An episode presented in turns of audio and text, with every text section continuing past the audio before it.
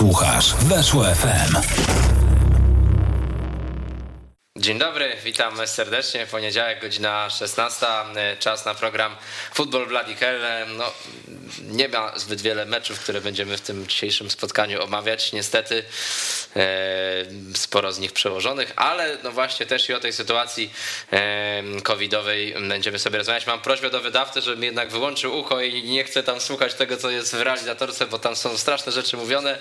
No ale miejmy nadzieję, że e, będzie za moment dobrze, podobnie jak z graniem w Premier League Wojciech Chwiela. Witam serdecznie. Ze mną w studiu Maciek Łuczek, TVP Sport. Dzień dobry. I Jarek Koliński, Przegląd Sportowy. Dzień dobry. I tak jest nas, znaczy tak więcej mecz, było meczów niż nas w studiu, co niekoniecznie było w Anglii, bo nie wiem, czy widzieliście mecze w The Day sobotniej, tam było większa liczba ekspertów niż meczów, bo mecz tylko jeden, a, a siedzieli w trójkę. No, to prawda. Właśnie ja też taki trochę skołowany jest to dlatego, że słyszałem reżyserkę, ale przed chwilą właśnie też na The Athletic pojawił się update odnośnie do informacji, o których sobie też będziemy mówić.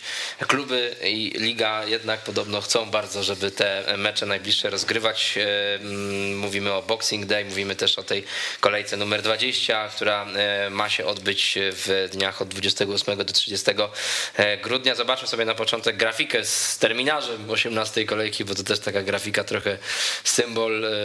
6 meczów przełożonych, 4 rozegrane. No właśnie, jak wy do tego wszystkiego podchodzicie? No bo chaos jest spory, zresztą też jeszcze będziemy sobie dzwonić za kilka minut do e, Jarka Wiśniewskiego, czyli polskiego analityka, który mieszka na co dzień w Londynie. Co prawda Jarek wrócił kilka dni temu do Polski na święta, ale też oczywiście cały czas śledzi temat. Niedawno był na wyjeździe na meczu Fulham, choćby też Jarka pamiętacie z zeszłego sezonu, jak rozmawialiśmy o jego kibicowaniu. Fulham był na wyjeździe na meczu z Luton, także też e, wiesz czym to się wszystko je. Mecz choćby Aston Villa Burnley e, odwołany na dwie godziny przed.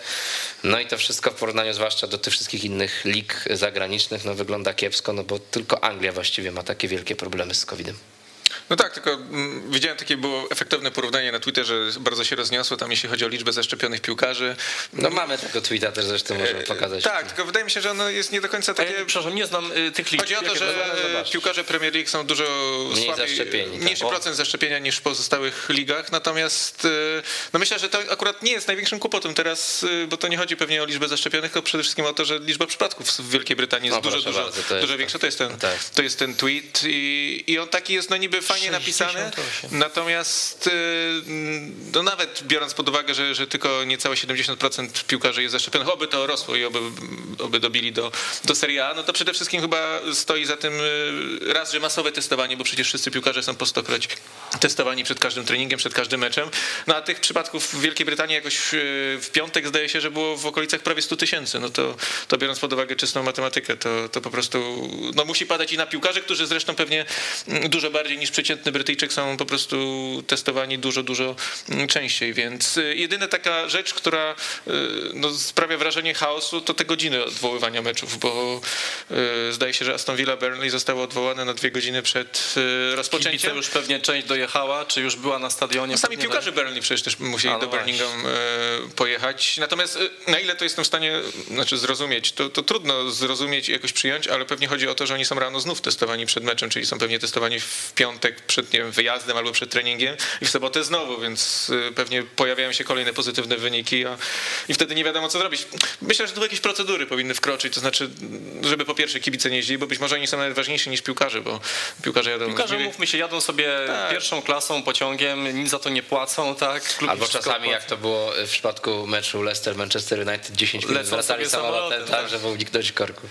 Więc pewnie te takie jasne reguły by się przydały, żeby, bo tak jak na przykład mecz Manchesteru United z Brighton został odwołany z 2-3 dni wcześniej. Wtedy wszyscy wiedzieli o co chodzi, wszyscy wiedzieli czego się spodziewać, że meczu nie będzie. I generalnie no, jest to w pewien sposób pewnie zrozumiałe, no bo, bo co zrobić, jeśli, jeśli klub nie ma po prostu piłkarzy do gry, a druga sprawa jest taka, że pewnie brakuje być może takich jasnych wytycznych do tego, kiedy można ten, ten mecz przełożyć, bo, bo sama Premier League przecież w którymś z komunikatów y, informowała, że oni w zasadzie decyzje będą podejmować jedna po drugiej, znaczy mecz po meczu i, i ta prośba po prośbie. Jedni mają te mecze przełożone, drudzy nie.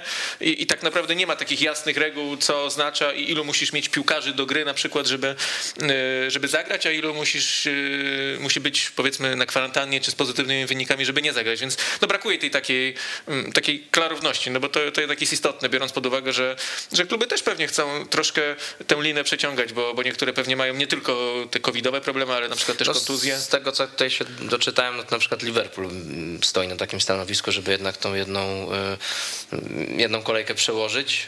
No to też jest pewnie spowodowane tym, że u nich akurat rzeczywiście trochę tych przypadków w ostatnim czasie się pojawiło. No ja myślę, tym, że się mnóstwo jeszcze pojawi w ogóle w każdym z klubów przez najbliższe O dni. tym też mówił Tomasz Tuchel, tak, też do tematu Chelsea przejdziemy, no ale wiemy, że ten zespół zdziesiątkowany. Leeds też akurat nie przez COVID, ale tutaj też oni są, można powiedzieć, tak puszczając oko, trochę poszkodowani, mają pecha, bo mogą rozłożyć ręce, że nie wiem, choćby e, w wielu klubach pewnie, e, które teraz pauzowały, w sumie no, tych piłkarzy nieobecnych jest nawet mniej niż pewnie w przypadku Leeds United, no ale że oni są e, zakażeni, no to też tutaj trochę podejście jest inne, ale...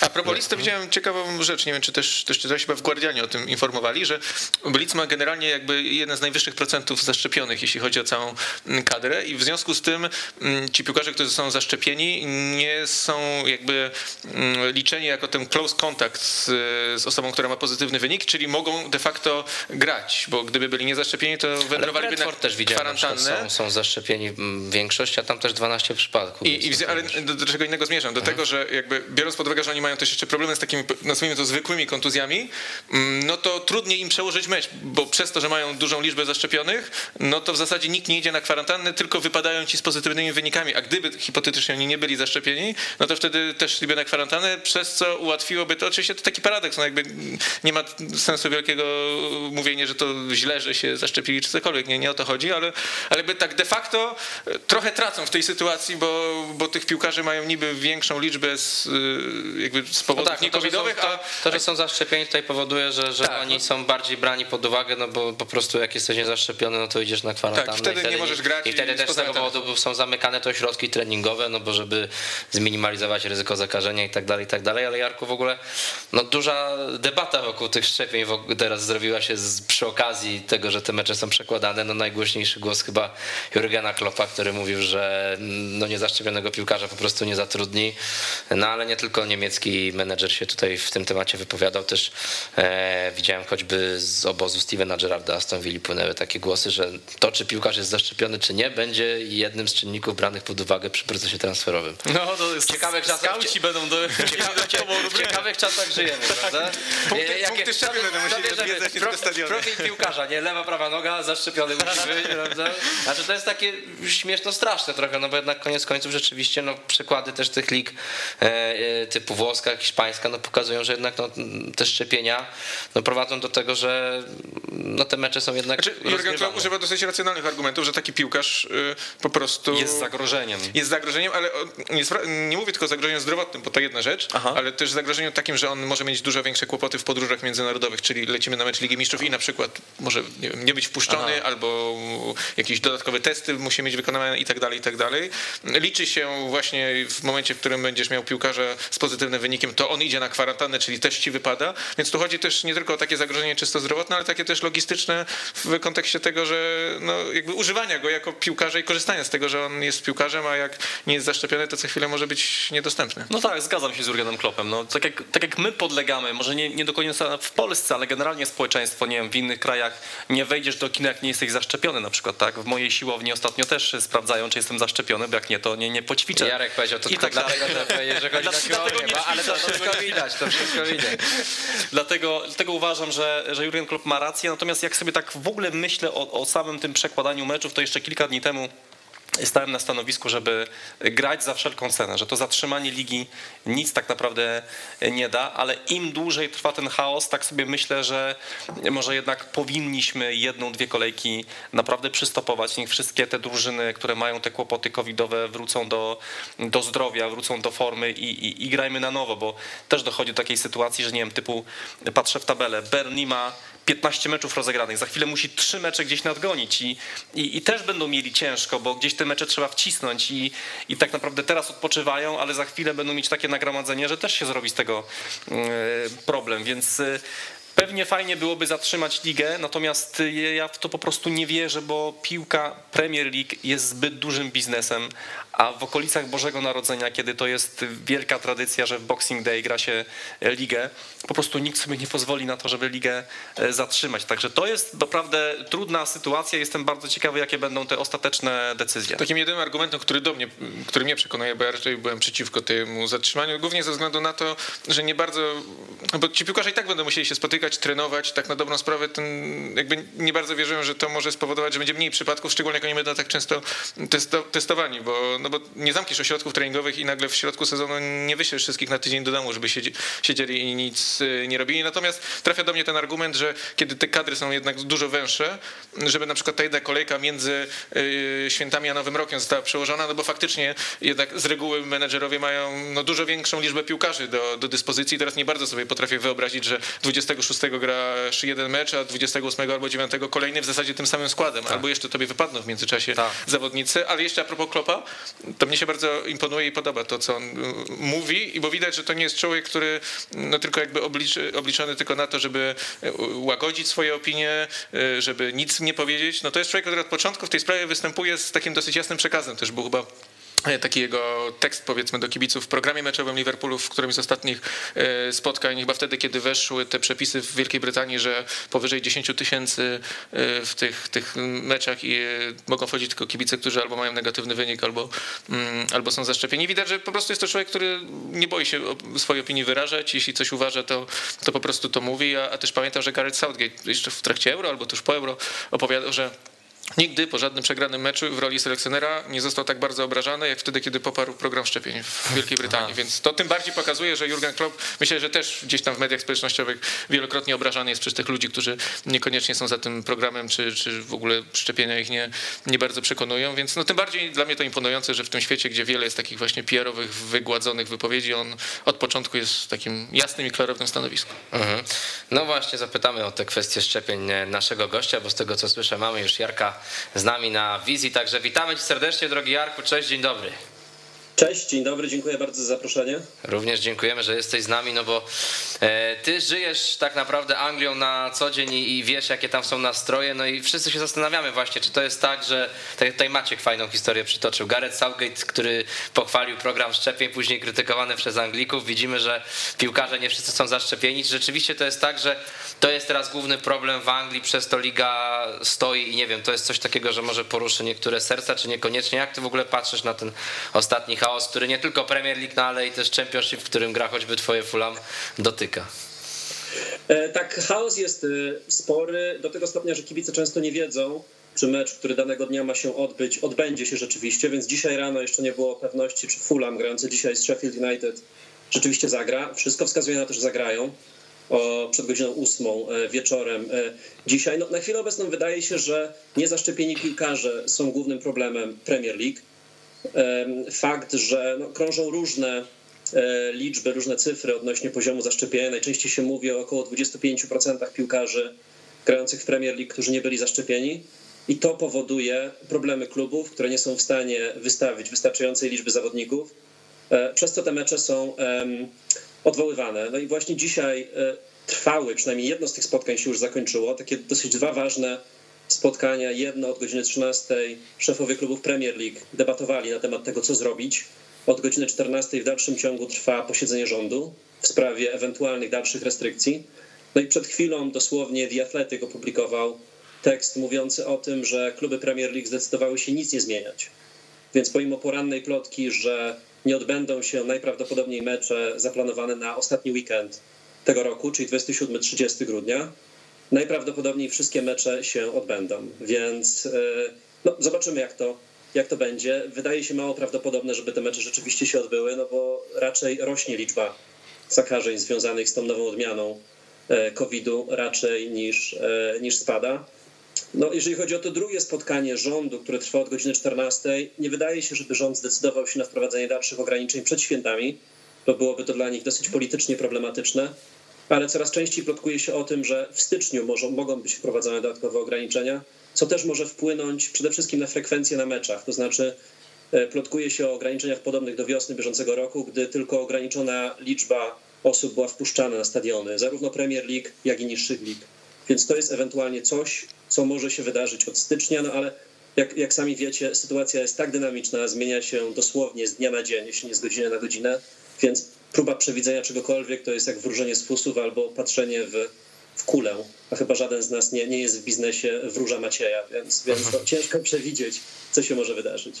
To, to wchodząc do studia, tak jeszcze przeglądałem angielskiego Twittera i tam były takie plotki chyba oparte na, na Daily Mirror, e, na tym, że po świętach Anglia mogłaby e, wrócić do czegoś, co tam nazwano Step 2 ty pewnie mieszkając na Wielkiej Brytanii możesz mieć o tym większe pojęcie. Jak to wtedy mogłoby się, może pamiętasz, bo to chyba byłby powrót do jakichś takich restrykcji, które już miały miejsce. Pamiętasz, jak to wtedy wyglądało, jeśli chodzi o kibiców na trybunach? No bo pewnie się wszyscy tutaj zgodzimy, że inny jest odbiór meczów z kibicami na trybunach, a, mm, a tych meczów rozgrywanych przy, przy pustych. E, teraz mm, no te, te trybuny w zasadzie są wypełnione w większości, a, a jakby to mogło wyglądać przy tym step two? Ty, ty pamiętasz, jak to, e, to są kilkuset ludzi, kilkadziesiąt tysięcy, czy, czy jak to wygląda? Z tego co pamiętam, Step 2 było wprowadzone w Wielkiej Brytanii w kwietniu. To był zdaje się 12 kwietnia, jako ten drugi etap otwierania kraju e, po lockdownie. Wydaje mi się, że wówczas 2000 osób było, około 2000 osób e, było wpuszczane na stadiony. Więc e, spodziewałbym się czegoś takiego. Być może nawet ta liczba może być, może zostać zmieniona, jak gdyby zaadaptowana. Sytuacja wtedy była jednak inna niż teraz, jest większy poziom wyszczepienia w tej chwili już sprawdzane są te e, paszporty covidowe przy wejściach na mecze, e, więc kibice muszą mieć albo to, albo potwierdzenie testu negatywnego, żeby móc w ogóle wejść na trybuny, więc wydaje mi się, że powrót do tego, co było w tym step 2 na wiosnę bieżącego roku, wydaje się być mało realny, ale wówczas to było około 2000, 2000 mm, osób. Tak przynajmniej, tak przynajmniej to wyglądało wiosną ubiegłego roku. Mhm. Powiedz mi, Jarku, czy rzeczywiście zauważalna jest taka niechęć do, do tych szczepień w Anglii, taka większa niż, niż w innej części Europy, że ludzie nie są do końca przekonani? Jeżeli chodzi o społeczeństwo, to nie. Paradoksalnie jest tutaj e, bardzo duża chęć do szczepień. W momencie, w którym rząd stwierdził, że rusza na całego z kampanią e, trzeciego szczepienia, wyłączając te ograniczenia wiekowe, bo wcześniej to było stopniowane, prawda, od, od osób najstarszych do najmłodszych. W pewnym momencie to zostało zniesione i e, można zobaczyć przed wieloma klinikami, przed wieloma miejscami, gdzie dostaje się zastrzyki, długie kolejki e, osób chętnych e, otrzymać ten, ten e, trzecią dawkę tego boostera e, jak najszybciej, więc to raczej nie jest problem dotyczący większej części społeczeństwa. Społeczeństwo jest w Wielkiej Brytanii raczej chętne. E, szczepieniom. Oczywiście ruchy antyszczepionkowe są, są aktywne wszędzie, dlatego tutaj paradoksalnie środowisko piłkarskie nie odzwierciedla szerszego środowiska e, jakby społeczeństwa brytyjskiego. E, liczby, które zaczęły się pojawiać w mediach, właśnie około 25% piłkarzy niezaszczepionych były dosyć szokujące, jeżeli się patrzy na to, w jaki sposób społeczeństwo do tej pory reagowało na, na, na całą kampanię szczepień, czy też na, nawet na te boostery. No dobrze, no to tak zamykając ten temat, y, jak ty sobie teraz wyobrażasz właśnie te najbliższe dni? No bo wiemy, że niektóre ośrodki treningowe były y, zamykane, no, piłkarze na kwarantannach i tak dalej, i tak dalej. No teraz mówimy o tym, że w Boxing Day te mecze mają się odbyć, no to to jest raptem za kilka dni. Później no, ten maraton będzie trwał, no bo to są mecze przecież co trzy dni i no taki jeden z najbardziej intensywnych, albo nawet najbardziej intensywny okres e, w sezonie. E, teraz ci piłkarze myślisz, że będą wracali, czy coś się o tym mówi? No bo to też jest teraz dla wielu zespołów pewnie no, nagła odmiana, gdzie kilka meczów nie wiem, przekładali. Teraz Tottenham na przykład był takim klubem, który wrócił po dłuższej, po dłuższej przerwie. Czego ty się spodziewasz i, i jak to może wyglądać? Spodziewam się chaosu, więc myślę, że to, czego doświadczyliśmy w poprzedni weekend, może się powtórzyć. To znaczy, część meczu będzie odwoływana w ostatniej chwili. E, pojawiają się plotki, że być może skrócony będzie okres kwarantanny z 10 dni do 7 dni co może w jakiś sposób wpłynąć też na to, że zawodnicy będą szybciej zwalniani do treningów e, i do gry. Więc e, musimy poczekać na to, co zadecyduje rząd, czy zdecydują się na jakieś minimalne zmiany, jeżeli chodzi o obecnie obowiązujące protokoły, ale szczerze i z ręką na sercu spodziewałbym się raczej chaosu i raczej takiej próby trwania w tym, co się dzieje i dalszego przekładania meczy, bo, bo jednak informacja o tym, że kluby Premier League zdecydowały się nic nie zmieniać, mimo mimo że wcześniej wszystko wskazywało na to, że te ostatnie ta ostatnia kolejka w tym roku się nie odbędzie, no to jest dosyć zaskakujące. Mhm, tak jeszcze pytam, testowani są wszyscy absolutnie, czy na przykład tylko ci z objawami, Jak to wygląda? Wiesz coś na ten temat? Z tego co rozumiem, z tego, co rozumiem testowani są wszyscy mhm. i, i, i, e, często problemy wynikają z tego, że jako pierwszy jest ten e, test lateral flow, czyli e, ten test błyskawiczny, następnie test PCR. I właśnie fakt, że te testy PCR, które są wysyłane do osobnego laboratorium, gdzie badanie trwa dłużej, fakt, że wyniki wpływają z opóźnieniem, to najczęściej wpływa na chaos jeżeli chodzi o klub. To znaczy, wydawać by się mogło, że piłkarz nie jest zakażony, przechodzi wynik drugiego testu, no jednak wychodzi na to, że jest. No tak, tak, a pojawiają się takie na przykład postulaty, że może testować tylko tych w takim razie, jeżeli piłkarz jest zaszczepiony oczywiście, tylko tych z objawami, no bo, bo wiesz, wtedy być może byłoby mniejsze ryzyko tego, że on może wypadać. W niektórych ligach nie, tak nie. to wygląda. Takich, takich postulatów nie widziałem. Być może takie debaty są. E, wy również e, obserwujecie te debaty na bieżąco, więc więc tutaj też wasza ekspertyza może być zdecydowanie większa od tego, co, co ja słyszę, czy też tego, o czym czytam, ale nie spotkałem się z informacjami takimi, żeby część miała być, a część nie. No dobrze, będziemy się temu wszystkiemu przyglądać, także powodzenia dla Fulham, bo tam widziałem, idziecie na awans znowu w ja tym pytanie sezonie. Właśnie A, mam. proszę bardzo. Jak Jarek, mam do ciebie pytanie właśnie w związku z Fulham, bo mnie jedna sprawa bardzo nurtuje.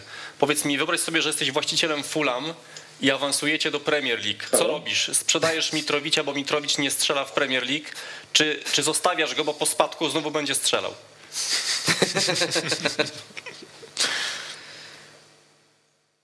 halo, halo, Jarku, jesteśmy? O, chyba to jest 9 o, sekund. To jest ten moment, kiedy Jarek wjechał do tunelu, bo jest niewygodne pytanie, widzisz. No dobrze, to połączmy się na chwilę jeszcze, jeżeli jest yy, możliwość, no bo, bo to rzeczywiście Aleksander Mitrowicz, zresztą Aleksander Mitrowicz dzisiaj jeszcze padnie, bo co ciekawe, to był mm, ostatni zawodnik 6 sezonów temu, który w jednym meczu Premier League strzelił gola, miał asystę i dostał czerwoną kartkę, tak jak Andy Robertson w meczu Tottenham Liverpool, więc tutaj y, Aleksander Mitrowicz wokół nas y, krąży. No, no ale... rzeczywiście teraz jest chyba znowu chyba liderem strzelców. Tak, tak, no tam odblokowany na nowo na tym, na tym zapleczu. No tak czekając jeszcze na szybko na połączenie, mm, jak jesteście nastawieni po tym, co Jarek powiedział, bo ja mam wrażenie, że no... A, mamy Jarka, tak? Dobrze, no to zaraz sobie jeszcze podyskutujemy. Jarku, tutaj słyszałeś pytanie o Aleksandra Mitrowicza, czy nie? Zapraszam. Nie usłyszałem pytania, nie, poproszę, poproszę jeszcze raz. To Jarku, okay. Kibice innej drużyny musieli, tak. tak, tak, przecięli kawę. Jarek, słuchaj, wyobraź sobie, że jesteś właścicielem Fulham i awansujecie do Premier League. Co robisz? Zostawiasz Mitrowicia, bo Mitrowicz, nie, czy przepraszam, sprzedajesz Mitrowicia, bo Mitrowicz nie strzela goli w Premier League, czy zostawiasz go, bo po spadku znowu będzie strzelał? Zostawiam Mitrowicza, inwestuję w obronę. A, okej. Okay. O tak, to dosyć istotne patrząc na... Jeżeli, tak. Tak, patrząc. Jeżeli wydawać pieniądze, wydawać pieniądze na obronę. Tak, Dobra, tak. dzięki. Dobra obrona w Premier League. Le Marchand, taki od razu mi się przypomina. jest jeden z najgorszych obrońców, jaki kiedykolwiek. kierunki rozmowa. Pozdrawiamy serdecznie wszystkich kibiców i Ciebie Jarku. Dzięki wielkie, że byłeś z nami. Wszystkiego dobrego. I wesołych świąt. Dziękuję, wesołych świąt. Dziękuję. Cześć. E, no to cóż, trochę piłki mimo wszystko było w ten weekend w Anglii, więc, więc się postaramy może teraz przejść do tego, aczkolwiek no pewnie ciekawe, mm, chociaż nie do końca pewnie w tym, w tym znaczeniu tego słowa ciekawe. E, Myślę, że nie ma takiej osoby, chyba że na czasie może się ktoś zgłosi, kto by się założył o duże pieniądze, że wszystkie te 20 meczów, tak? Bo to dwie mhm. kolejki się odbędą. Ja myślę, chyba nie tak, myślę, tak trzeba celować, że 10 jak się odbędzie, to będzie Z tych dobrze. dwóch kolejek. No tak. To duży sukces był, jakby 10 zagrali. No. Chcielibyśmy, żebyśmy używali sformułowania ciekawe e, względem tylko rzeczy piłkarskich, a na pewno tak możemy powiedzieć o spotkaniu Tottenham-Liverpool zremisowanym 2 do 2 przez oba zespoły. Mamy też grafikę pokazującą formę Harry'ego Kane'a w tym sezonie w meczach u siebie, no bo wielkie przełamanie nastąpiło kapitana reprezentacji Anglii. Wreszcie 90 minut rozegrał na swoim stadionie z golem w meczu ligowym. Z drugiej strony Salah się zablokował, bo pierwszy raz od 16 spotkań ani gola, ani asysty, także dwa różne bieguny, dwa różne podejścia, ale... Jest taki zgryźliwy angielski dziennikarz, nie pamiętam nazwiska, na Twitterze, on wrzuca takie różne ciekawostki. Napisał, że Harry Kane w Premier League zrównał się z Benem Mi i z Fredem, jeśli chodzi o liczbę goli. Tak, e, bardzo zgryźliwie. E, jakie wy macie wrażenia, bo naprawdę działo się? No to był jeden z lepszych meczów w tym sezonie w Premier League. No to chyba trzeba sobie otwarcie powiedzieć. I to, co, e, co, co fajniejsze, no wreszcie Tottenham dojechał, bo Tottenham to była drużyna, kiedy e, która w przeszłości, w przeszłości potrafiła e, robić nam fajne widowiska, no ale potem to za Nuno Espirito Santo się mocno zmieniło. Ale teraz znowu jest to zespół, który gra odważnie, który kreuje sytuację, który ma wiarę w to, że jest w stanie mecz wygrać, który strzela gole mm, Także no naprawdę to się super, e, super oglądało. To niesamowita statystyka, że w tym meczu Tottenham e, ten współczynnik expected goals miał na poziomie 2,5, czyli tyle samo, ile w sumie przez cały wrzesień w sumie przez cały wrzesień uciułali taki współczynnik, więc to pokazuje i, i, to widać, jak, jak bardzo za Nuno Espirito Santo ta drużyna po prostu dołowała. Dzisiaj jest to kompletnie odmieniony mm, zespół. Za Antonio Conte jeszcze w lidze y, nie przegrali, więc y, robi się coraz lepiej i teraz spójrzcie, bo Tottenham no jest taka sytuacja, że ma trzy mecze zaległe w, w porównaniu z czołówką. Gdyby te mecze wygrał, zakładając, że wygra, bo to, to zawsze hipotetyka, no to wchodzi do e, top 4, więc w sytuacji, w której było naprawdę w wielkim kryzysie, dzisiaj może myśleć znowu o, o jakichś takich poważniejszych celach. No też mecz z perspektywy Tottenhamu takich y, trochę, znaczy nowych, starych ludzi w składzie, bo przecież i Dele Ali się pojawił, i Harry Wings się pojawił, to byli ludzie, którzy, szczególnie Harry Wings, ale i, i Dele Ali zagrał naprawdę dobre spotkanie, więc... Jak jeszcze byłby skuteczniejszy, to w ogóle o, tak, były ta, na rękach. Ta, ta, ta jedna sytuacja ta jedna... obrona Alisana to też... Potem no, jeszcze miał jedną sytuację, właściwie tak, obrona Alisona w pierwszej Jeszcze połowie. Piłkę wyłożył Kane'owi tam. Tak, ale właśnie o tym chciałem powiedzieć, bo w drugiej połowie to był taki w ogóle schemat w pewnym momencie widoczny atakowania Tottenhamu, że Kane i Son ściągali uwagę e, Matipa i Konate, a długie piłki były zagrywane na Dela Alego, no bo on raz wyprzedził Trent Alexander-Arnolda, gdzie tam nawet niektórzy się doszukiwali rzutu karnego, bo, bo Trent Alexander-Arnold popchnął, być może Alego. No a druga historia to też z tym zbyt krótkim podaniem, no to przecież to kolejna była stuprocentowa akcja, wystarczyło mocniej tam lepiej to rozegrać i Alison mimo tego, że no bramkarzem jest świetnym, to po pierwsze nawet w tym meczu się błędu nie ustrzegł, a po drugie no wtedy by nie dał rady już na pewno. Tak, to prawda. Jak jesteśmy przy Deli Alim, to właśnie ciekawa sprawa, bo kilka dni temu pojawiły się informacje, że on e, będzie dostępny na rynku w styczniu, czyli ktoś może go kupić, ktoś może go e, wypożyczyć. Jestem ciekawy waszego zdania. E, myślicie, że to jest takie odrodzenie Aliego i on zostanie w klubie, czy to jest raczej to, co on teraz gra, w tym meczu zagrał, to jest próba po prostu jakiegoś wywalczenia sobie dobrego kontraktu w innym klubie? Moim mówisz, zdaniem. Mówisz z perspektywy piłkarza czy klubu? Że oni go e, pokazują, bo chcą go sprzedać? I to, i to. Wydaje mi się, że głównie on się pojawił, bo kryzys personalny był i nie bardzo było komu grać. Tak, tak to trochę odbieram. A. Ale myślę, że jeśli by w kolejnych meczach pokazał, że gra powiedzmy na poziomie meczu z Liverpoolem, no to nie zdziwię się, jakby jednak trochę się te y, jakby plany pozmieniały i, i pewnie Antonio Conte chętniej by go zostawił. No bo oddawać piłkarza, który wyraźnie idzie w górę i który jest ważnym zawodnikiem dla zespołu, a był ważnym zawodnikiem w meczu z Liverpoolem, to, to byłoby takie trochę irracjonalne działanie. Okej, okay, ale to inaczej, to wierzysz w to, że on jest w stanie rozegrać parę meczów z rzędu. Dopóki tak nie zobaczę, to nie uwierzę, nie. No, na razie to jest... Ja dokładnie to e, samo, że ja nie ufam mu. Nie, nie. To... Zagrał bardzo dobry mecz, ale nie, nie, nie. No tak, tam u niego tej powtarzalności to nie ma od miesięcy, bo tak. to nie jest tak, że powiedzmy słabszy moment, dwa miesiące gorszy, nie, on nie gra od to jest jego, tak, właściwie pierwszy mecz w wyjściowym składzie w Lidze od czasu tych przegranych derbów z Arsenalem, gdzie tam też nie zachwycił i no, to jest jedna jaskółka, która trudno, żeby uczyniła wiosnę, podobnie jak w przypadku Harry'ego Wingsa, tak, no tutaj też czekamy Właśnie. na więcej, bo to był taki mecz rzeczywiście i w odbiorze e, bardzo dobrze funkcjonował i, i w ataku, bo w ogóle mam wrażenie, że, że to, że ten mecz był taki otwarty, to, to sprawiło też podejście taktyczne obu szkoleniowców, często mówi się o tym, że jeżeli e, jedna drużyna wychodzi trójką, druga trójką, albo jedna czwórką, druga też czwórką, że mamy te same ustawienia, no to one na siebie się nakładają i wtedy są takie szachy. Tutaj no, mieliśmy dwa zupełnie różne ustawienia i mieliśmy te wolne przestrzenie, no bo na przykład zwłaszcza w pierwszej połowie Mane z Salachem zostali uważam całkiem nieźle zneutralizowani, tutaj też za sprawą choćby Ryana Seseniona, to szkolenie taki nieoczywisty bohater mam wrażenie Tottenhamu, ale już o wiele więcej miejsca mieli Trent Alexander-Arnold, Robertson, który no przecież też zaliczył asystę i, i w ogóle była taka sytuacja już na początku meczu, że Arnold dośrodkował do Robertsona, on tam uderzał głową, w drugiej połowie zresztą to e, dało gola, no ale to sprawiało też, że było dużo wolnego miejsca za ich plecami, no i jak Tottenham te piłki przejmował, to zwróćcie uwagę, że tam nie było żadnych ceregieli, tam było od razu szybkie granie do przodu, uciekał Son, e, albo uciekał Harry Kane, który też uważam zagrał jeden z lepszych meczów w tym sezonie, no w końcu ze strzelonym golem. Mm, aczkolwiek też warto y, docenić Tottenham za to, jak rozegrali akcję przy pierwszym golu, no bo tam już jednak to było bardziej, e, no bardziej zagęszczona była ta, ta defensywa Liverpoolu.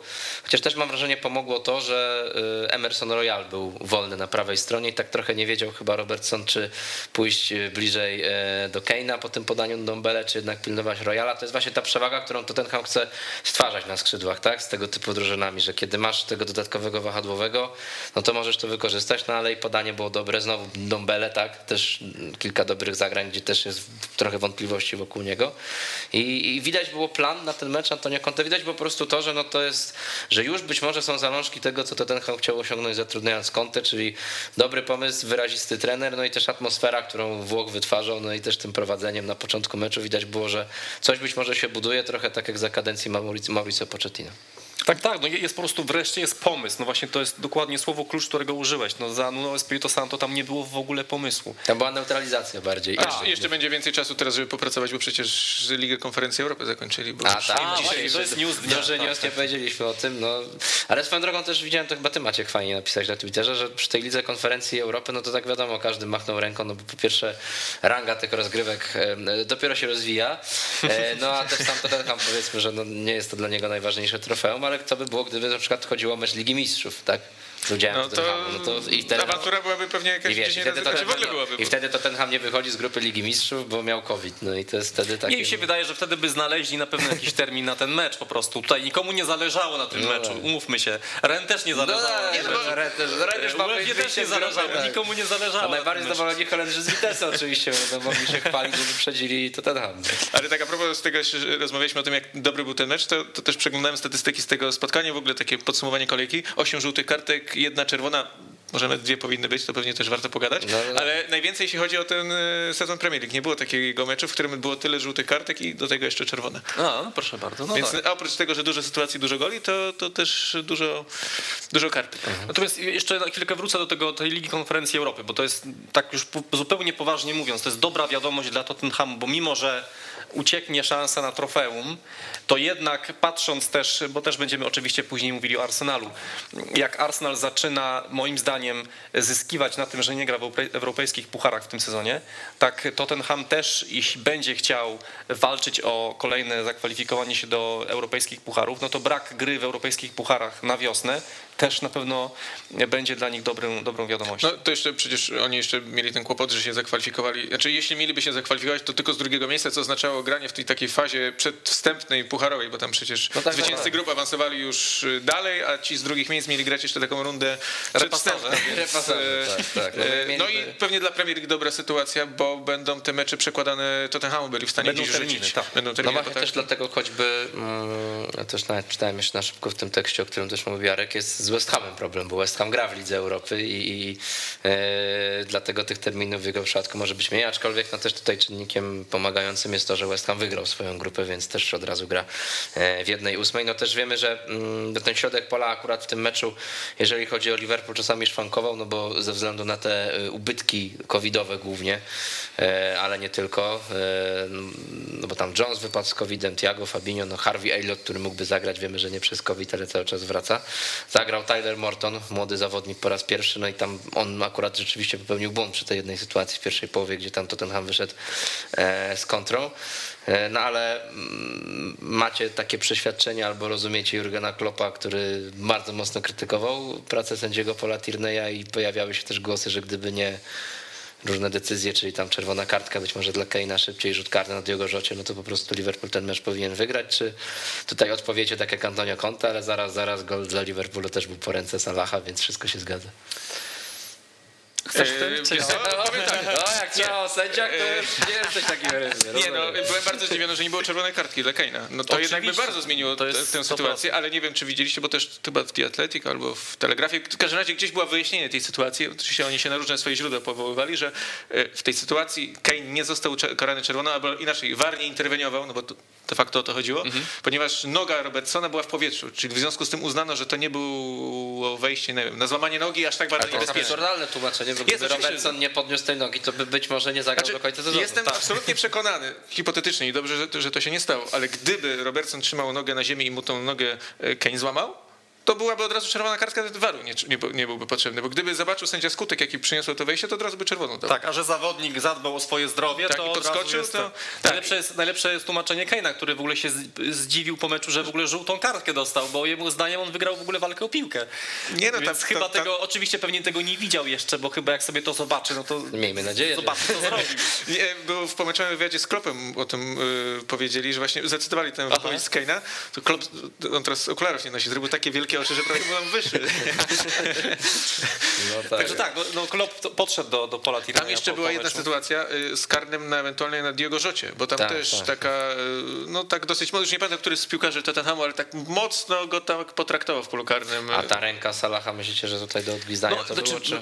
Bo kiedyś była chyba właśnie, bo te przepisy W poprzednim sezonie by tego nie uznali. Tak, bo to każda ręka, która jest bezpośrednia przed y, strzeleniem gola, y, sprawia, że nie ma gola. Teraz to się właśnie zmieniło. Te przepisy się zmieniają co chwila, więc trudno na tym nadążyć.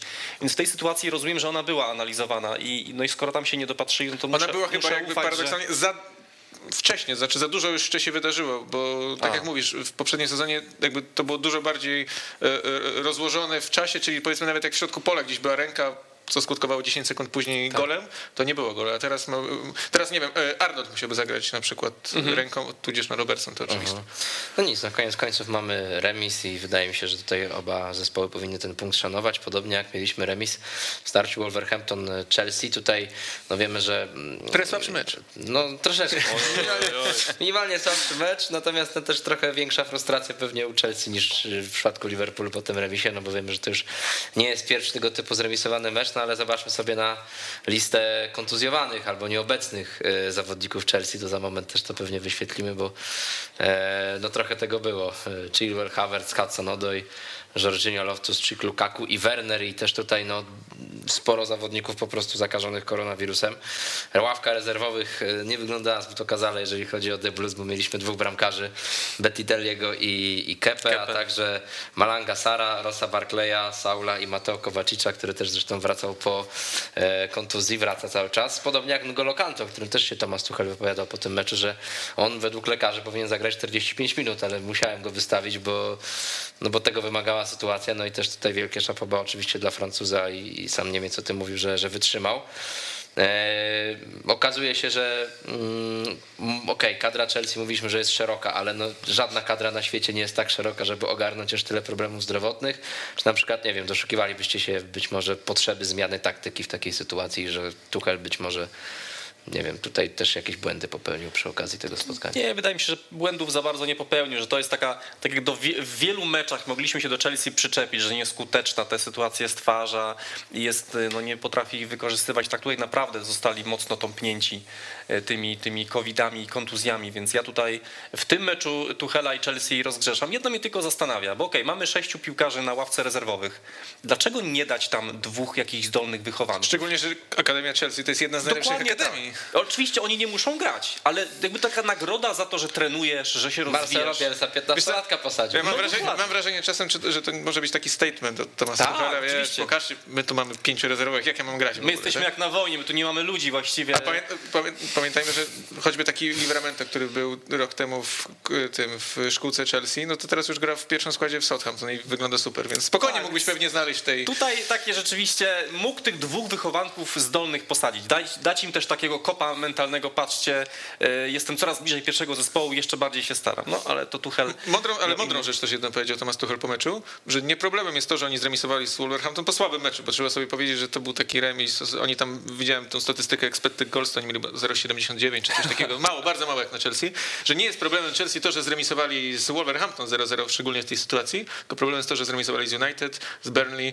i z Evertonem u siebie. To są kłopoty i to, Tak. są, to jest tak naprawdę problem, a nie to, że szczególnie, że Wolverhampton, bo to też pewnie trzeba sobie o nich chwilę powiedzieć, oni wyrastają, mam wrażenie, na taką drużynę, której strasznie trudno strzelić gola. Taką jedną z najlepiej zorganizowanych, bo przecież bardzo dobrze bronili w meczu z City mm, w poprzedniej kolejce jeszcze, kiedy grali w większo- no, większość meczu, jedną połowę w, w 10, zresztą w 11 też dobrze przecież bronili. Liverpool im strzelił gola w doliczonym czasie gry, więc naprawdę trudno, trudno tej ekipie e, jakby strzelić gola i ta, ten tercet Cody, Saiz i Kilman to to, to jest naprawdę taki jeden z ciekawszych tercetów obrońców w Premier League. no w ogóle ci, ci obrońcy, obrońcy e, Wolves w tym sezonie zrobili takie postępy, że naprawdę to, to jest ściana. To jest ściana plus jeszcze Jose Sa, który też świetnie broni w tym meczu też.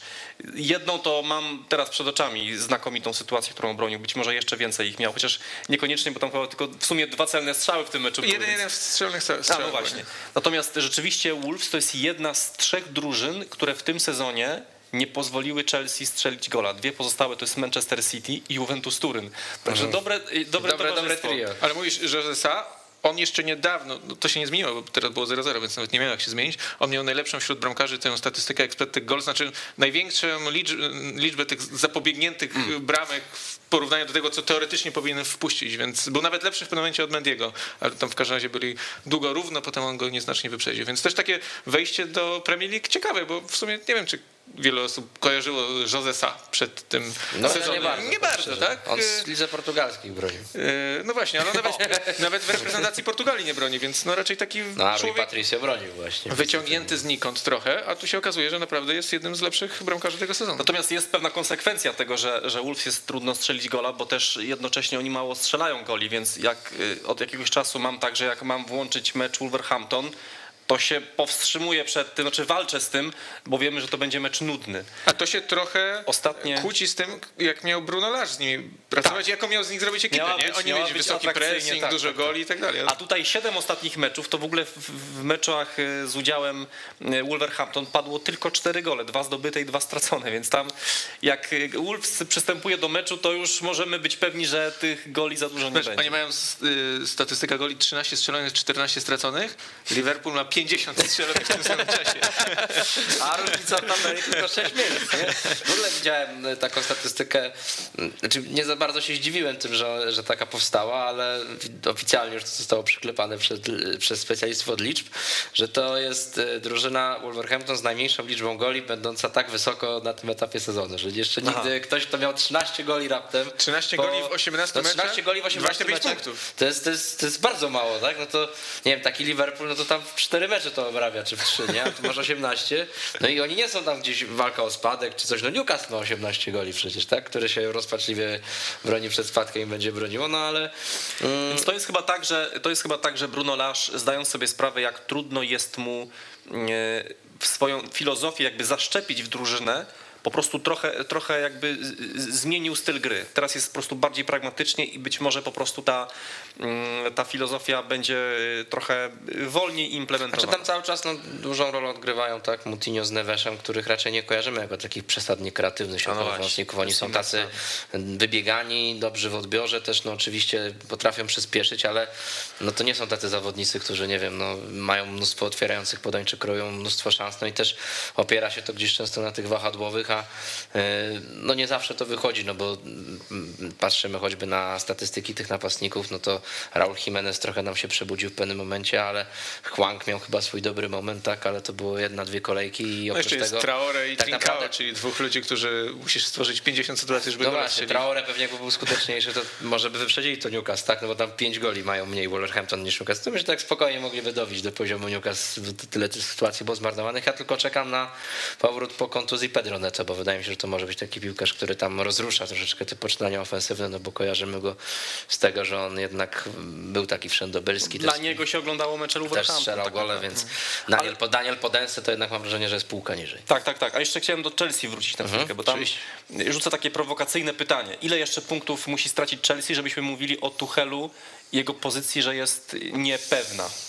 Bo pamiętajmy, mamy do czynienia z Chelsea. Ja wiem, że, ja wiem, że Tuchel zdobył Ligę Mistrzów ale mamy tutaj Chelsea i Abramowicza. Więc y, czy jak te remisy za chwilę znów nie będą się mnożyły, to czy nie zacznie się ta y, posada lekko chwiać? To jest lekko prowokacyjne pytanie. Ja wiem, że to jest teza dosyć ryzykowna, ale. Myślę, że musiałoby y, być zagrożenie wypadnięcia z top 4. Okej, okay, i wtedy? Wtedy Bo pewnie tak. Ja pytam też na podstawie tego, co się działo z Chelsea rok temu. Pamiętam na początku grudnia Chelsea pokonała bodajże Everton albo Leeds. Leeds u siebie. I na chwilę wskoczyła na pozycję lidera. I wszystko było cacy. Lampard fantastyczny, w ogóle Chelsea się rozwija, idzie na mistrza i tak dalej. E, miesiąc później, czy półtora miesiąca później Lamparda już nie było w klubie. Więc dlatego pytam, bo ten grudzień jest takim miesiącem, jak się okazuje, po raz kolejny bardzo niebezpiecznym. Tam właśnie w tym grudniu Chelsea zaczęła bardzo mocno tracić punkty i teraz też zaczyna się to robić. Więc stąd moje, stąd moje obawy. No zobaczymy, jak to będzie wyglądać. Na pewno też obawiać mogą się kibice Newcastle, które przegrywa kolejny mecz e, dosyć wysoko z Manchester City 0-4 i mamy też grafikę pokazującą no, kiepskie położenie Newcastle, jeżeli chodzi o tracone gole. Wyobraźcie sobie 79 już w tym golu w roku w golu kalendarzowym. W roku kalendarzowym. No i to jest najwięcej już w historii razem z Ipswich, ale jeżeli plany Premier League wypalą, to Newcastle jeszcze ma mecze z Manchester United i z Leicester, więc teraz Newcastle powinno się modlić o to, żeby tych meczów nie rozgrywać, bo wtedy boję się, że może Ipswich przestać być tą tym zespołem, który stracił najwięcej goli. Oczywiście tutaj z dużym przymrużeniem oka, ale faktem jest to, że no, ta defensywa jest dramatyczna. No tutaj na Manchester City e, no wyszli czwórką, to, to jeszcze samo w sobie może nie jest najgorsze, chociaż no, patrząc Mogliby na to, wyjść dziesiątką nawet, Chociaż obronie, jak będą popełniać takie błędy jak przy pierwszym golu, to... Chociaż patrząc na to, że Newcastle też lubiło grać piątką, no to może trzeba było pomyśleć o tej piątce, no ale jak widzimy, że na bokach mamy Matariczego i Jacoba Marfiego, czyli to są cały czas no, przekwalifikowani pomocnicy.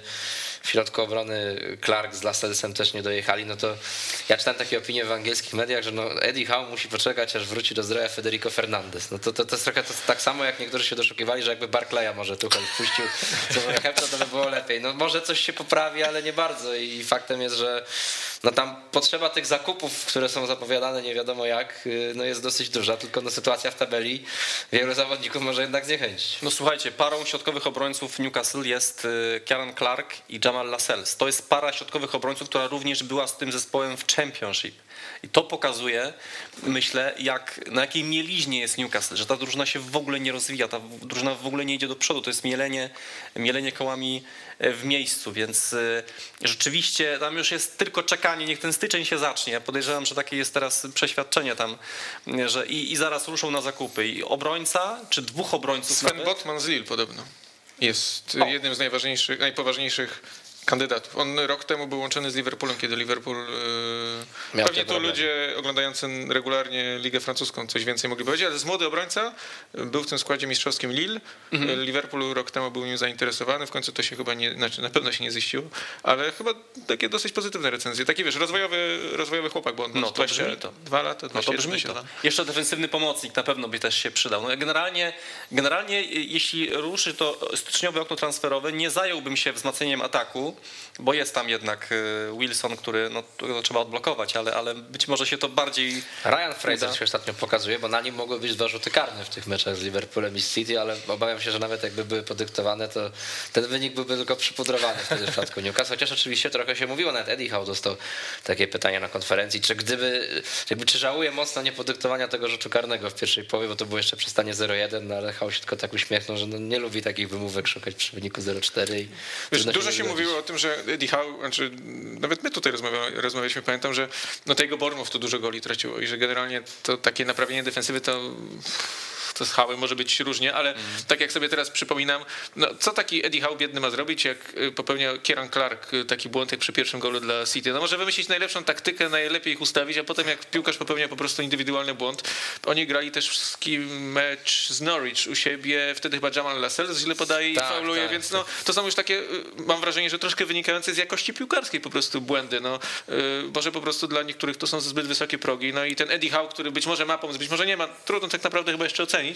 No ale jeśli indywidualne błędy zawodników go zawodzą w ten sposób, no to zaczynasz mecz z Manchesterem City i podarowujesz gola tam na początku spotkania, tak potem masz rywalizować. Bo Pep Guardiola z kolei nawet mówił, że ta pierwsza połowa, którą rozegrali, to jedna z najsłabszych w tym sezonie i tak nie był do końca szczęśliwy. On nawet, on nawet sam powiedział, że mieliśmy szczęście, że Newcastle zrobił taki błąd przy pierwszym golu, bo nie wiadomo co by było. Tak. Ale już przy drugim na przykład ten piękny, piękny strzał Jean Cancelo, no to wcześniej do wybronienia też, bo to on minął jednego zawodnika, drugiego. y, No trochę Alan Shearer się poznęcał też w Match of the Day y, nad, y, nad obroną Newcastle. O tym pierwszym meczu, o tym pierwszym golu to powiedział, że, że w U10 to takie gole nie mają prawa padać, a nie, a nie na boiskach Premier League, więc no to jest pewnie na razie takie połączenie braku jakości z tym, że generalnie ta defensywa od dawna tam bardzo źle wygląda, a, a czy to mm, Eddie Howe ogarnie, no to też się pewnie zobaczy, jak może przyjdą tam troszkę lepsi piłkarze. Nawiązując do nazwiska menedżera Newcastle, w tym klubie panuje chaos. O, to bardzo no, dobrze. no, mamy do wycięcia, tak. No bo o Edim Hale będziemy wycinać jakąś historię. Tak jak kiedyś że go oszukałeś perfidnie. Oszukałem go, Na wywiad, to teraz tak, tutaj gierka językowa, ale, ale- tylko tak jeszcze dopowiem, że no chwyta się już różnych zabiegów taktycznych Hał, aczkolwiek nie wszystkie się sprawdzają, czyli na przykład Joel Linton jako taki defensywny napastnik grający głęboko w środku pola. Jak to powiem szczerze, że nie przekonuje, tak samo Joe Willock w ogóle też tego zawodnika nie poznaje, no bo e, zachwyciliśmy się nim wszyscy, zachwyciło się również Newcastle wydając e, sporo pieniędzy na jego transfer latem. Nawet się mówiło przecież w pewnym momencie, że może Arsenal będzie go chciał zatrzymać, no i widzimy gdzie jest teraz Arsenal, gdzie jest Willock. No też wykorzystywany jako taki defensywny pomocnik, no to wygląda słabo. Tak, ja chciałem jeszcze powiedzieć o tym ha- hałosie, jakby Mhm. w, klubie całym, ponieważ też tam dochodzą bardzo mm, złe informacje, takie nie, nie, nie, niesympatyczne dla kibiców, bo tam jest ciągle poszukiwanie dyrektora sportowego. I, i ostatnio zgłoszono, zgłoszono się do Michaela Emenalo, czyli no, można powiedzieć jednego z twórców sukcesów Chelsea, bo to jest jednak e, człowiek, który e, też współtworzył tę akademię, która tak świetnie e, funkcjonuje. I Emenalo nie był zainteresowany. Powiedział, że filozofia jego i klubu jest kompletnie e, na dwóch różnych biegunach, więc on się w to nie, nie pakuje, co pokazuje, że naprawdę temu klubowi, mimo że ma pieniądze i może zapłacić takiemu Emenalo mnóstwo pieniędzy, on nawet nie jest tym zainteresowany. I to jest według mnie bardzo... e, To taka sama historia jak z Emerym, pamiętacie przecież. On Tak, też nie był, tak, już był tam prawie tak. dogadany, ale stwierdził, że jednak nie czuje tego i, i nie przyjął oferty dzisiaj na The Athletic była informacja o Danie Ashworcie, czyli O, dyrektorze. rozmawiali z nim, też nie przyjął? Znaczy, nie, nie, Znaczy, podobno mają właśnie ma przyjąć. A, że ma przyjąć. A, Tak, dobra, dobra. Że tam jest blisko, tak, jakoś do gadania. Natomiast już parę razy tak widziałem, że właśnie te insajdy, czy to od Davida Ornsteina, czy innych dziennikarzy, że już ktoś jest blisko, tak samo tam z Overmarsem miał być swego czasu głośny temat, a potem to się tak kończyło, że pojawiały się informacje, że Overmars przedłuża do 2025. Ale wiecie, co mnie dziwi w tym kontekście tego chaosu, o którym rozumiem, bo jest chaos ogromny, tak? Przecież nawet to poszukiwanie menedżera ileś tam trwały, że przecież ten deal był przygotowywany przez wiele miesięcy. To znaczy oni nie wpadli na pomysł w poniedziałek, że w środę kupimy Newcastle. Tylko oni jeszcze mieli dodatkowo bardzo dużo czasu między tą pierwszą próbą kupna nieudaną, a zakładam tą drugą, która też ileś trwała, bo przecież to nie jest tak, że oni we wtorek złożyli ofertę, a w środę nagle Mike Ashley im klub sprzedał. Więc oni mieli naprawdę bardzo dużo czasu, żeby gdzieś tam, mm, no tak powiedzmy na boku porozumieć się może z jakimiś ludźmi, przedstawić im swoją wizję, powiedzieć, że no wiecie, niebawem pewnie będziemy właścicielami Newcastle, może byście chcieli z nami współpracować, a to wszystko wygląda na taki kompletnie niezorganizowany, więc to też może być ciekawe y, okno transferowe, bo jak oni będą, a pewnie będą w y, strefie spadkowej, pewnie pojawi się mnóstwo ofert od różnych menedżerów, od różnych ludzi, którzy będą chcieli wcisnąć piłkarzy i pytanie, czy tam nie nakupują różnych dziwnych y, nabytków i, No, jak to się skończy. to- słyszałem ostatnio, tak? No to, to akurat Dembele raczej w, defensywie nie będzie za dobrze pracował. Dembele, Eden Hazard Dembele ten z Z Barcelony? Tak. Usman Dembele, gwiazdor. E, No dobrze, co do Manchesteru City, e, jeszcze myślę, że też dwa słowa wypada powiedzieć, albo może nawet cztery, bo strzeli cztery bardzo ładne gole. E, mm, Mi takie wypowiedzi Pepa Guardioli po takim meczu, jak on mówi, że jest niezadowolony z pierwszej połowy, to się kojarzą, że oni podkręcili. Oni już są na takim poziomie, że no... gu- Już Guard- szukają, szukają detali. teraz szukanie detali, no bo ilu trenerów na świecie po rozegraniu meczu 4-0 wyjdzie i powie, zagraliśmy jedną z najsłabszych pierwszych połów. No może to zrobić Pep Guardiola i nie wiem, być może jeszcze kilku innych ludzi. E, Natomiast e, też patrząc na to, jak się układa i jak się może ułożyć ta druga część sezonu, no to City chyba wyrasta w tym momencie do takiego faworyta, no bo wiemy, że oni zagrali te trudne mecze wyjazdowe z Chelsea, z Liverpoolem na wyjazdach, e, osiągnęli niezłe wyniki. No wygląda na to, że, że, że, że to jest dobrze naoliwiona maszyna. Jeszcze z Tottenhamem i z Manchester United na wyjazdy grali też. No właśnie, w zasadzie wszystkich mają... przyjmą u siebie, wpakują po trzy. Nie, no to jest Macie takie, absolut- macie takie wrażenie? Ja, ja, ja, ja na ten moment takie, jakbym się miał pokusić, to często są takie te publicystyczne tezy, pytania, kto jest dla was faworytem w wyścigu, no to bym powiedział, że City. No. Taki się nastrój robi trochę, że jeszcze niedawno miała być walka trzech drużyn, a teraz może dwóch, a może już niedługo, jak, jak będzie No. Puchar Narodów Afryki i wyjedzie Mane z Salahem, to się na koniec stycznia może zrobić czasem wyścig y, City z Właśnie, bo, City. bo kto, kto, z, kto z City może opuścić drużynę na PNA? Nikt. Czy ktoś no, może? Nie, Mares jedynie chyba? Mares. Jest A, Mares, Mares, Mares, no właśnie, więc tam Jakoś sobie poradzą. jakoś sobie, jakoś sobie poradzą. Ale słuchajcie, no to jest 8 zwycięstw z rzędu od tej porażki pod koniec e, października e, z 0-2 z Crystal Palace, takiej sensacyjnej, no to po prostu się drużyna wzięła do roboty i 8 meczów wygranych, 24 gole, 3 stracone tylko. W tych dwóch ostatnich meczach 7-0 z Leeds i teraz e, 4-0 to 11 goli, czyli w, w tych dwóch meczach strzelili więcej goli niż w całym sezonie dotychczasowym stracili. Więc to w ogóle jest jakieś kosmiczne liczby i dlatego właśnie, i dlatego właśnie Guardiola jest uważany za jednego z najlepszych trenerów świata. Dlatego Manchester City jest tak dobrze, bo właśnie to jest trener, który szuka nawet, y, y, nawet w takim dobrym meczu y, tych minusów, bo wie, że kiedyś te minusy mogą zostać wyeliminowane w poważniejszych meczach i dzięki temu drużyna wygra, więc to jest naprawdę.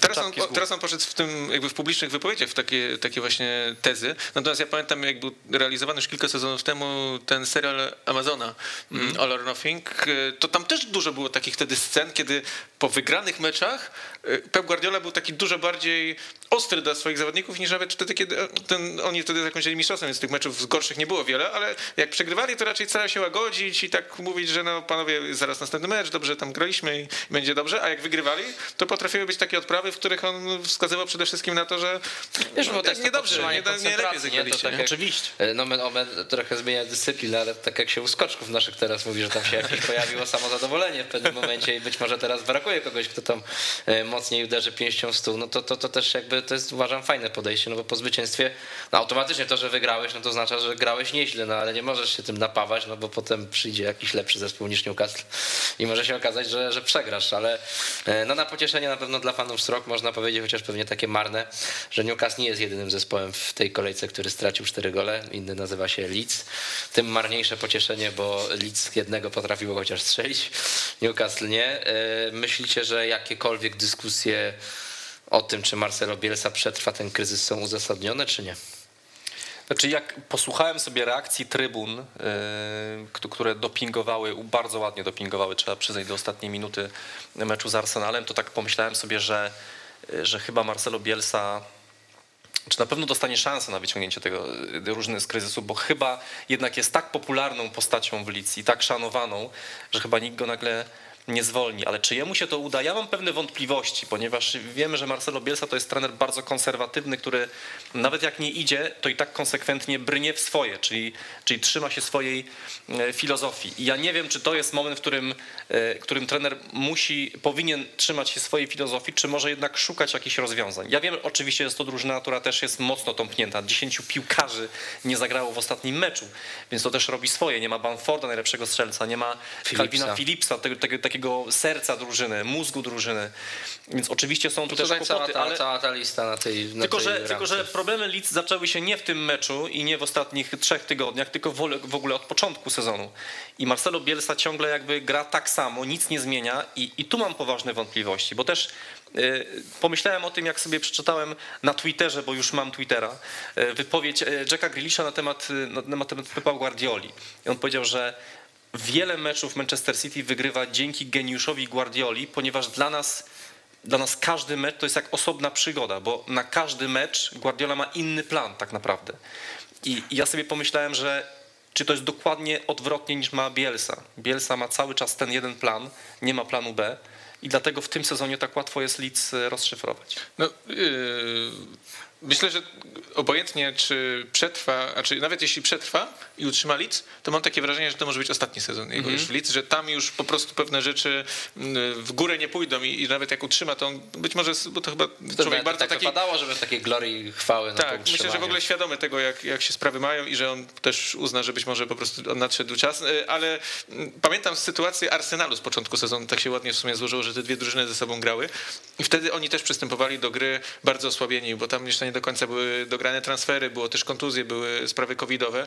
Pamiętacie Arsenal z początku sezonu, to był dramat. Przecież oni po trzech meczach mieli zero punktów. Zero punktów tak? I nagle wrócili pi piłkarze do zdrowia i się okazało, że ta drużyna nie jest taka słaba. To znaczy nie spodziewam się, że jeśli wróci Bamford, Phillips i, i kilku innych, których widzieliśmy tam na na liście, że Leeds y, nagle zrobi jakiś atak na czołową dziesiątkę, ale myślę, że to jest trochę za dobra drużyna, żeby spaść z ligi.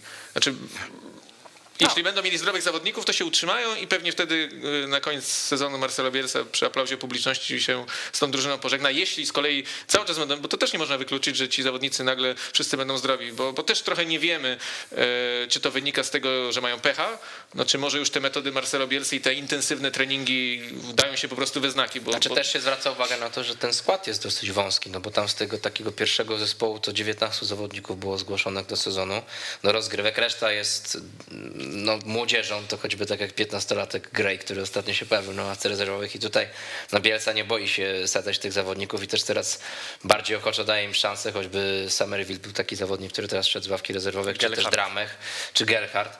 Natomiast no, tutaj wiadomo, że to jest głównie konieczność, ale nie było wielu sprowadzanych zawodników takich do poszerzenia składu jakościowo. Tak? No, przed sezonem wiemy, że przeszedł junior Firpo i to właściwie tyle. Znaczy, jak spojrzymy w tabelę, to no James już teoretycznie później, tak, mają 5 punktów przewagi, ale mają też 3 mecze mniej niż Burnley, który jest na ostatnim miejscu, znaczy na spad, pierwszym spadkowym, może tak.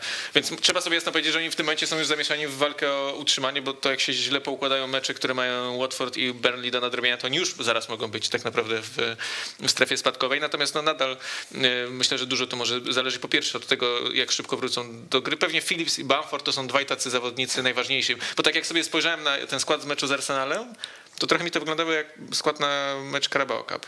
Taki, wiecie, no nie do końca Drugi, Ale bo Mateusz Klik był czy o co ci chodzi? Nie, no w ogóle cały, te, cały ten skład taki jak na mecz Premier League no to nie, nie, tak, tak, no pewnie, taki pewnie gdyby... ekspert. I po pierwsze, a po drugie są tam zawodnicy, którzy mieli po jedną jednostkę treningową, dwie, bo to Robin, Robin Koch zdaje się, że raz trenował pod dłuższej kontuzji, tak? Więc też są upychani jakby, żeby, żeby w ogóle kogoś tam wystawić. No oni przecież z Arsenalem zagrali tragicznie. Tam Arsenal w pierwszych pięciu minutach miał chyba cztery strzały na bramkę. Znaczy przede wszystkim więc... no to w lidze zawodzi to, co zawsze było ich siłą, czyli ta dobra defensywa, yy, yy, odpowiednie różnice w przestrzeni na boisku, to, że ci piłkarze zawsze byli na czas. No tutaj to yy, grałem Sunes chyba dobrze podsumował, że oni byli no, rozwaleni po całym boisku po prostu w tym spotkaniu i, i zarówno to w tym, jak i z Manchesterem City, no, które się przecież też wcześniej przydarzyło i e, Srogielanie porażka 0 do 7 i tak naprawdę Arsenal tutaj też był zespołem, zespołem, który mnóstwo prostopadłych piłek zagrywał za linię tej obrony, no i wykorzystywali to zawodnicy tacy jak Gabriel Martinelli, o nim sobie zaraz powiemy, chociaż tylko tak chciałem zamknąć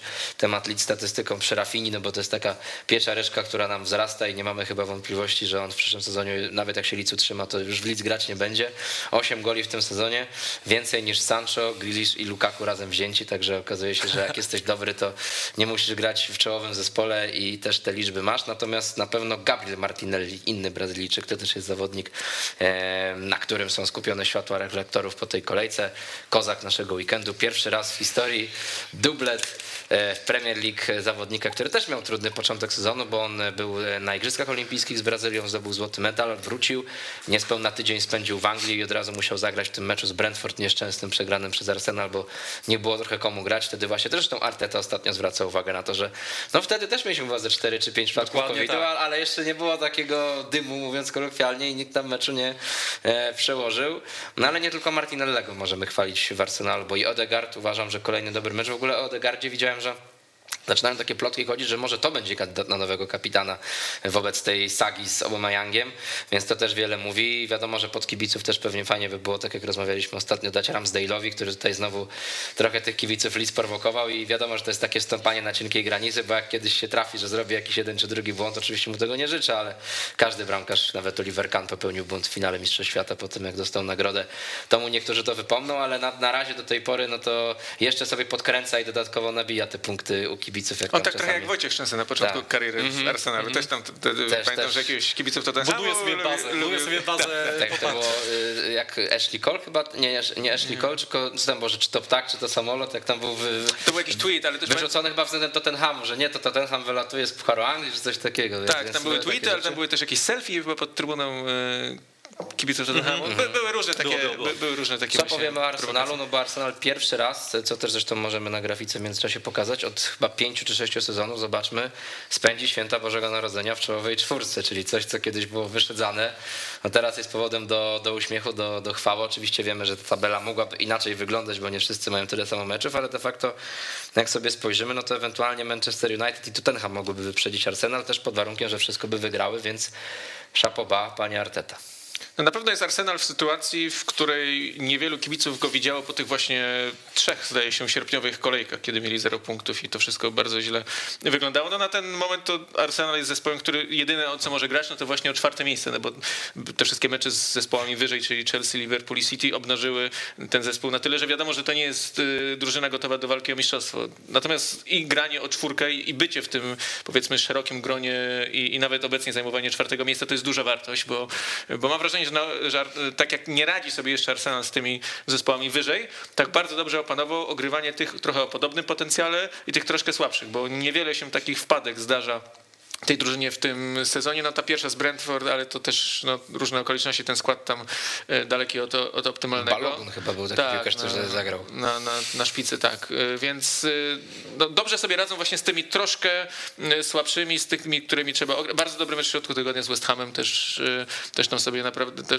no, wyraźnie lepsi od takiej drużyny, która teoretycznie też jest w grze o, o Ligę Mistrzów. Odegar ci może podobać. To jest na pewno taki zawodnik, oprócz Martinellego, o którym pewnie jeszcze będziemy też rozmawiać, no, który wreszcie wreszcie widać, że bierze odpowiedzialność za to, co się dzieje na boisku, bo on był trochę taki schowany, bywał często na ławce w poprzednich tygodniach, a od pewnego czasu, od kilku meczów pojawia się w pierwszym składzie i widać taki stempel tego, że on naprawdę tam, no, tak jak się to mówi, na kierownicy siedzi i po prostu zarządza troszkę ofensywnymi poczynaniami tej, tej drużyny i co ciekawe, bardzo dobrze sobie radzą bez Obameyanga. Tak naprawdę nie bardzo widać. Aubameyang z wozu Arsenalowi lżej, można powiedzieć. Nie no, e, ja się bardzo cieszę, że Aubameyang został odsunięty, że w ogóle ta, ta cała sprawa, tę całą sprawę tak Arteta załatwił, bo to jest rzeczywiście, nie, nie można już pobłażać piłkarzowi, który, który taką niesubordynacją się, e, się wykazuje i, i wychodzi na to, że to jest chyba koniec Aubameyanga. E, I też to się jakby wiąże z tym, że następuje taka poważna wymiana pokoleniowa w Arsenalu, bo spojrzałem na taką statystykę 18 17 ostatnich goli Arsenalu, y, to w każdym z nich albo gola, albo asystę miał ktoś z kwartetu Smith Rowe, Odegaard, Saka, Martinelli. To, to jest ta czwórka, która teraz tam najbardziej rządzi. Do tego dorzucasz e, doświadczonego Lakazeta, który ostatnio wygląda bardzo naprawdę dobrze. Nosi tę opaskę, kto wie, może on będzie ją nosił, chociaż e, nie podpisał kontraktu, więc Pewnie byłoby... go nie podpisze, ale dlaczego do końca sezonu nie miałby być e, ważną osobą no, kapitanem? Z drugiej, no kapitanem właśnie nie wiem, czy możesz dać to piłkarzowi, który wiesz, że odejdzie, więc tak mi się wydaje, to byłoby kontynuacja tej takiej złej polityki opaskowej tak, więc, więc chyba jednak poszukają kogoś innego. Natomiast rzeczywiście y, dobrze to bardzo wygląda i o sile Arsenalu w ostatnich y, tygodniach świadczy fakt, że Smith Rowe to wchodzi z ławki ostatnio. A to ja dorzucę jeszcze jedną ciekawą statystykę do tego, co ty powiedziałeś. To było przed tą kolejką, pewnie niewiele się zmieniło. W 17 kolejkach, z 17 kolejek w 16 najmłodszy średnią składu miał Arsenal w tym tak, sezonie Premier League, więc y, widać, Przyszłość że naprawdę... przed nimi, naprawdę. Że, no tak, tak. Że tam się naprawdę się fajnie rozwija. Dobrze, no i też ten transfer Tomiyasu cały czas mi się bardzo podoba, to jak wybiegany jest Japończyk, przygotowany fizycznie do, do występów na prawej obronie. Widać, że kto wie, być może to może być też taki zawodnik w przyszłości dostosowany nawet do wahadłowego, bo też i w ofensywie się nieźle podłącza. Oczywiście jeszcze, jeszcze spokojnie z tym wszystkim, ale uważam, że mm, no, wszyscy mamy prawo być zdumieni, bo kiedy przychodził Tomiyasu, no to nie wyglądało to jak transfer, który rozwiąże e, te problemy, które przecież Arsenal z prawą obroną miał, no bo tam Bejerin, Soares, tam oni się miotali na tej, na tej pozycji. Chambers czasami występował, okazuje. tak, tak, tak. Cedric i Chambers. Cedric i Chambers. E, no a Tomiyasu wydaje się, że może być rzeczywiście takim pewnym punktem. A, tak, na jakiś dłuższy tam jest czas. jedna ważna sprawa tylko wydaje mi się, jeśli chodzi o to, żeby oni walczyli o czwórkę i mieli duże szanse na to, żeby się w niej znaleźć, żeby e, nie było kontuzji ani Bena White'a, ani Gabriela, bo to są dwaj bardzo ważni tak. i tam nie bardzo jest no tam jest taka holding. alternatywa, bo jest holding, wiecie, jest Pablo Mari. To, to, prawda, to prawda, ale właśnie, bo, bo, to też jest bardzo ciekawe. Mamy generalnie mega chaos w Premier League, mnóstwo kontuzji covidowych, a Arsenal wystawia po raz czwarty z rzędu tę samą jedenastkę. To też pokazuje, jak, jak wielka stabilizacja jest w tym zespole. Jeszcze jedną taką ciekawostkę wam, wam powiem e, a, a propos Obama-Yanga, mhm. E, bo ta niepunktualność Obama-Yanga, przez którą cała ta chryja powstała i nie po raz pierwszy się spóźnił do klubu, to już w Borussii Dortmund miał Gabriel Gabończyk z tym kłopoty i śmieszna jest historia, jak sobie z tym radzili, bo tam jednak postanowili jednak, wiedząc, że to jest dobry piłkarz, inaczej tym zarządzać. Czyli wszystkim piłkarzom mówili, słuchajcie, zbiórka jest jutro o 11, a Obamajegowi mówili, słuchaj, jest zbiórka 10.45. I on się spóźniał, ale przychodził akurat na 11, więc był punktualnie. Ale patrzcie, jaki można i tak. Patrzcie, e, Arteta jest I kapitan zespołu. Trenerem od ilu? No tam trzeci sezon. Trzeci sezon, tak? Chyba, no. Obama Young? Mesut Ezil i Mateo Genduz już są na jego liście takich ludzi, z którymi no nie dał sobie, można powiedzieć, w kaszę dmuchać. To Mhm. znaczy, że widać, że nie wiem, czy on na tym, bo to jeszcze ostatecznie nie znamy rezultatów tego sezonu. Może być Arsenal czwarty, może być równie dobrze ósmy i może być Arteta przegranym, ale jednego nie możemy odmówić, charakteru. Tak. Jest młodym trenerem, dopiero wchodzi, a już No z tymi pewno. gwiazdami. No sam był też przecież kapitanem Arsenalu i takim dowódcą na boisku, więc akurat to już wyniósł jeszcze właśnie mm, z czasów zawodniczych. Natomiast jeszcze tak co do Odegarda, kończąc ten temat, no to ja też jak ostatnio zobaczyłem, że on ma dopiero 24 lata, to się złapałem za głowę, no bo to już jest zawodnik, który tak długo funkcjonuje w tym ubiegu. On tam chyba 15 lat miał, już był powoływany. Nawet szybciej wystrzelił niż Haaland, bo on miał chyba 15-16 lat, też poszedł do Realu, miał być tam wielką gwiazdą. Później oczywiście różnego rodzaju zawirowania, no i on tutaj w Arsenalu rzeczywiście możemy mówić, że już po tylu doświadczeniach, z jakimś obyciem, no też też ze swoimi umiejętnościami mógłby pretendować do roli nawet kapitana zespołu, jeżeli utrzyma formę y, stabilnie, więc no ciekawe jak to będzie wyglądać. Odegarda na razie w swoim fantazy nie mam i myślę, że to może być klucz do tego, co za chwilę zobaczymy, czyli kolejnego żenującego wyniku. 35 punktów. Y, Kolejny również Mój problem no to jest e, przekładanie meczów, bo robiłem transfery chyba o godzinie e, 13 i tak dosyć późno jak na sobotę, no już normalnie bym nie mógł, no ale wiedziałem, że tego meczu Manchester United nie będzie.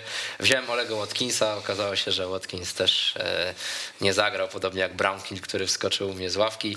Na szczęście nie za minus 4, tak jak niektórzy wiem, że robili. Miałem dwa transfery wolne, więc no przynajmniej tu nic nie straciłem, ale, e, ale może Maćka Łuczaka pokażmy. No u mnie troszkę lepiej, aż y, powiedziałbym. O, Jarek. nie. No dobrze, no to dobrze. No to jak Ciut Jarek, lepiej. Jarek, to idziemy, stopniujemy, stopniujemy. Bardzo mnie zdenerwował Pep Guardiola, bo nie dał nawet minuty Fodenowi. No ja kupiłem specjalnie Fodena, bo patrzę, że jest w dobrej formie, a jest Anglikiem oczywiście, E, więc y, myślę, no to będzie kolejny jego dobry mecz, e, zwłaszcza z Newcastle, nawet nie dostał minuty. Natomiast zmieniłem kapitana z Trenta na Watkinsa, bo patrzę, grają z Burnley, no to pewnie ich e, pokonają, Watkins e, strzeli gola. No i niestety mecz został odwołany, więc jak na tę sytuację, w jakiej się znalazłem, to te 40 punktów myślę, że jest całkiem e, niezłym rezultatem. Ale trochę stety, no bo Aleksander Arnold też trochę punktów zdobył, no jako No kapitan tak, no podkręcony tak. wynik, więc tak. wiesz, 7 punktów nawet na napastnika, no to ten Watkins musiałby Masz coś rację, tam musiałby podziałać. No, może hat nie, ale coś by musiał zrobić. To dobrze, to Maćka zobaczmy, bo Maciek to jest dzisiaj No. Ja jak wam powiedzieć, że ja toczę, znaczy wynik niezły, ale ja toczę taką nierówną walkę z Sadio Mane, bo mam go już w swojej drużynie dość długo, ale tak powiedzmy z 5-6 kolejek temu dałem go na kapitana.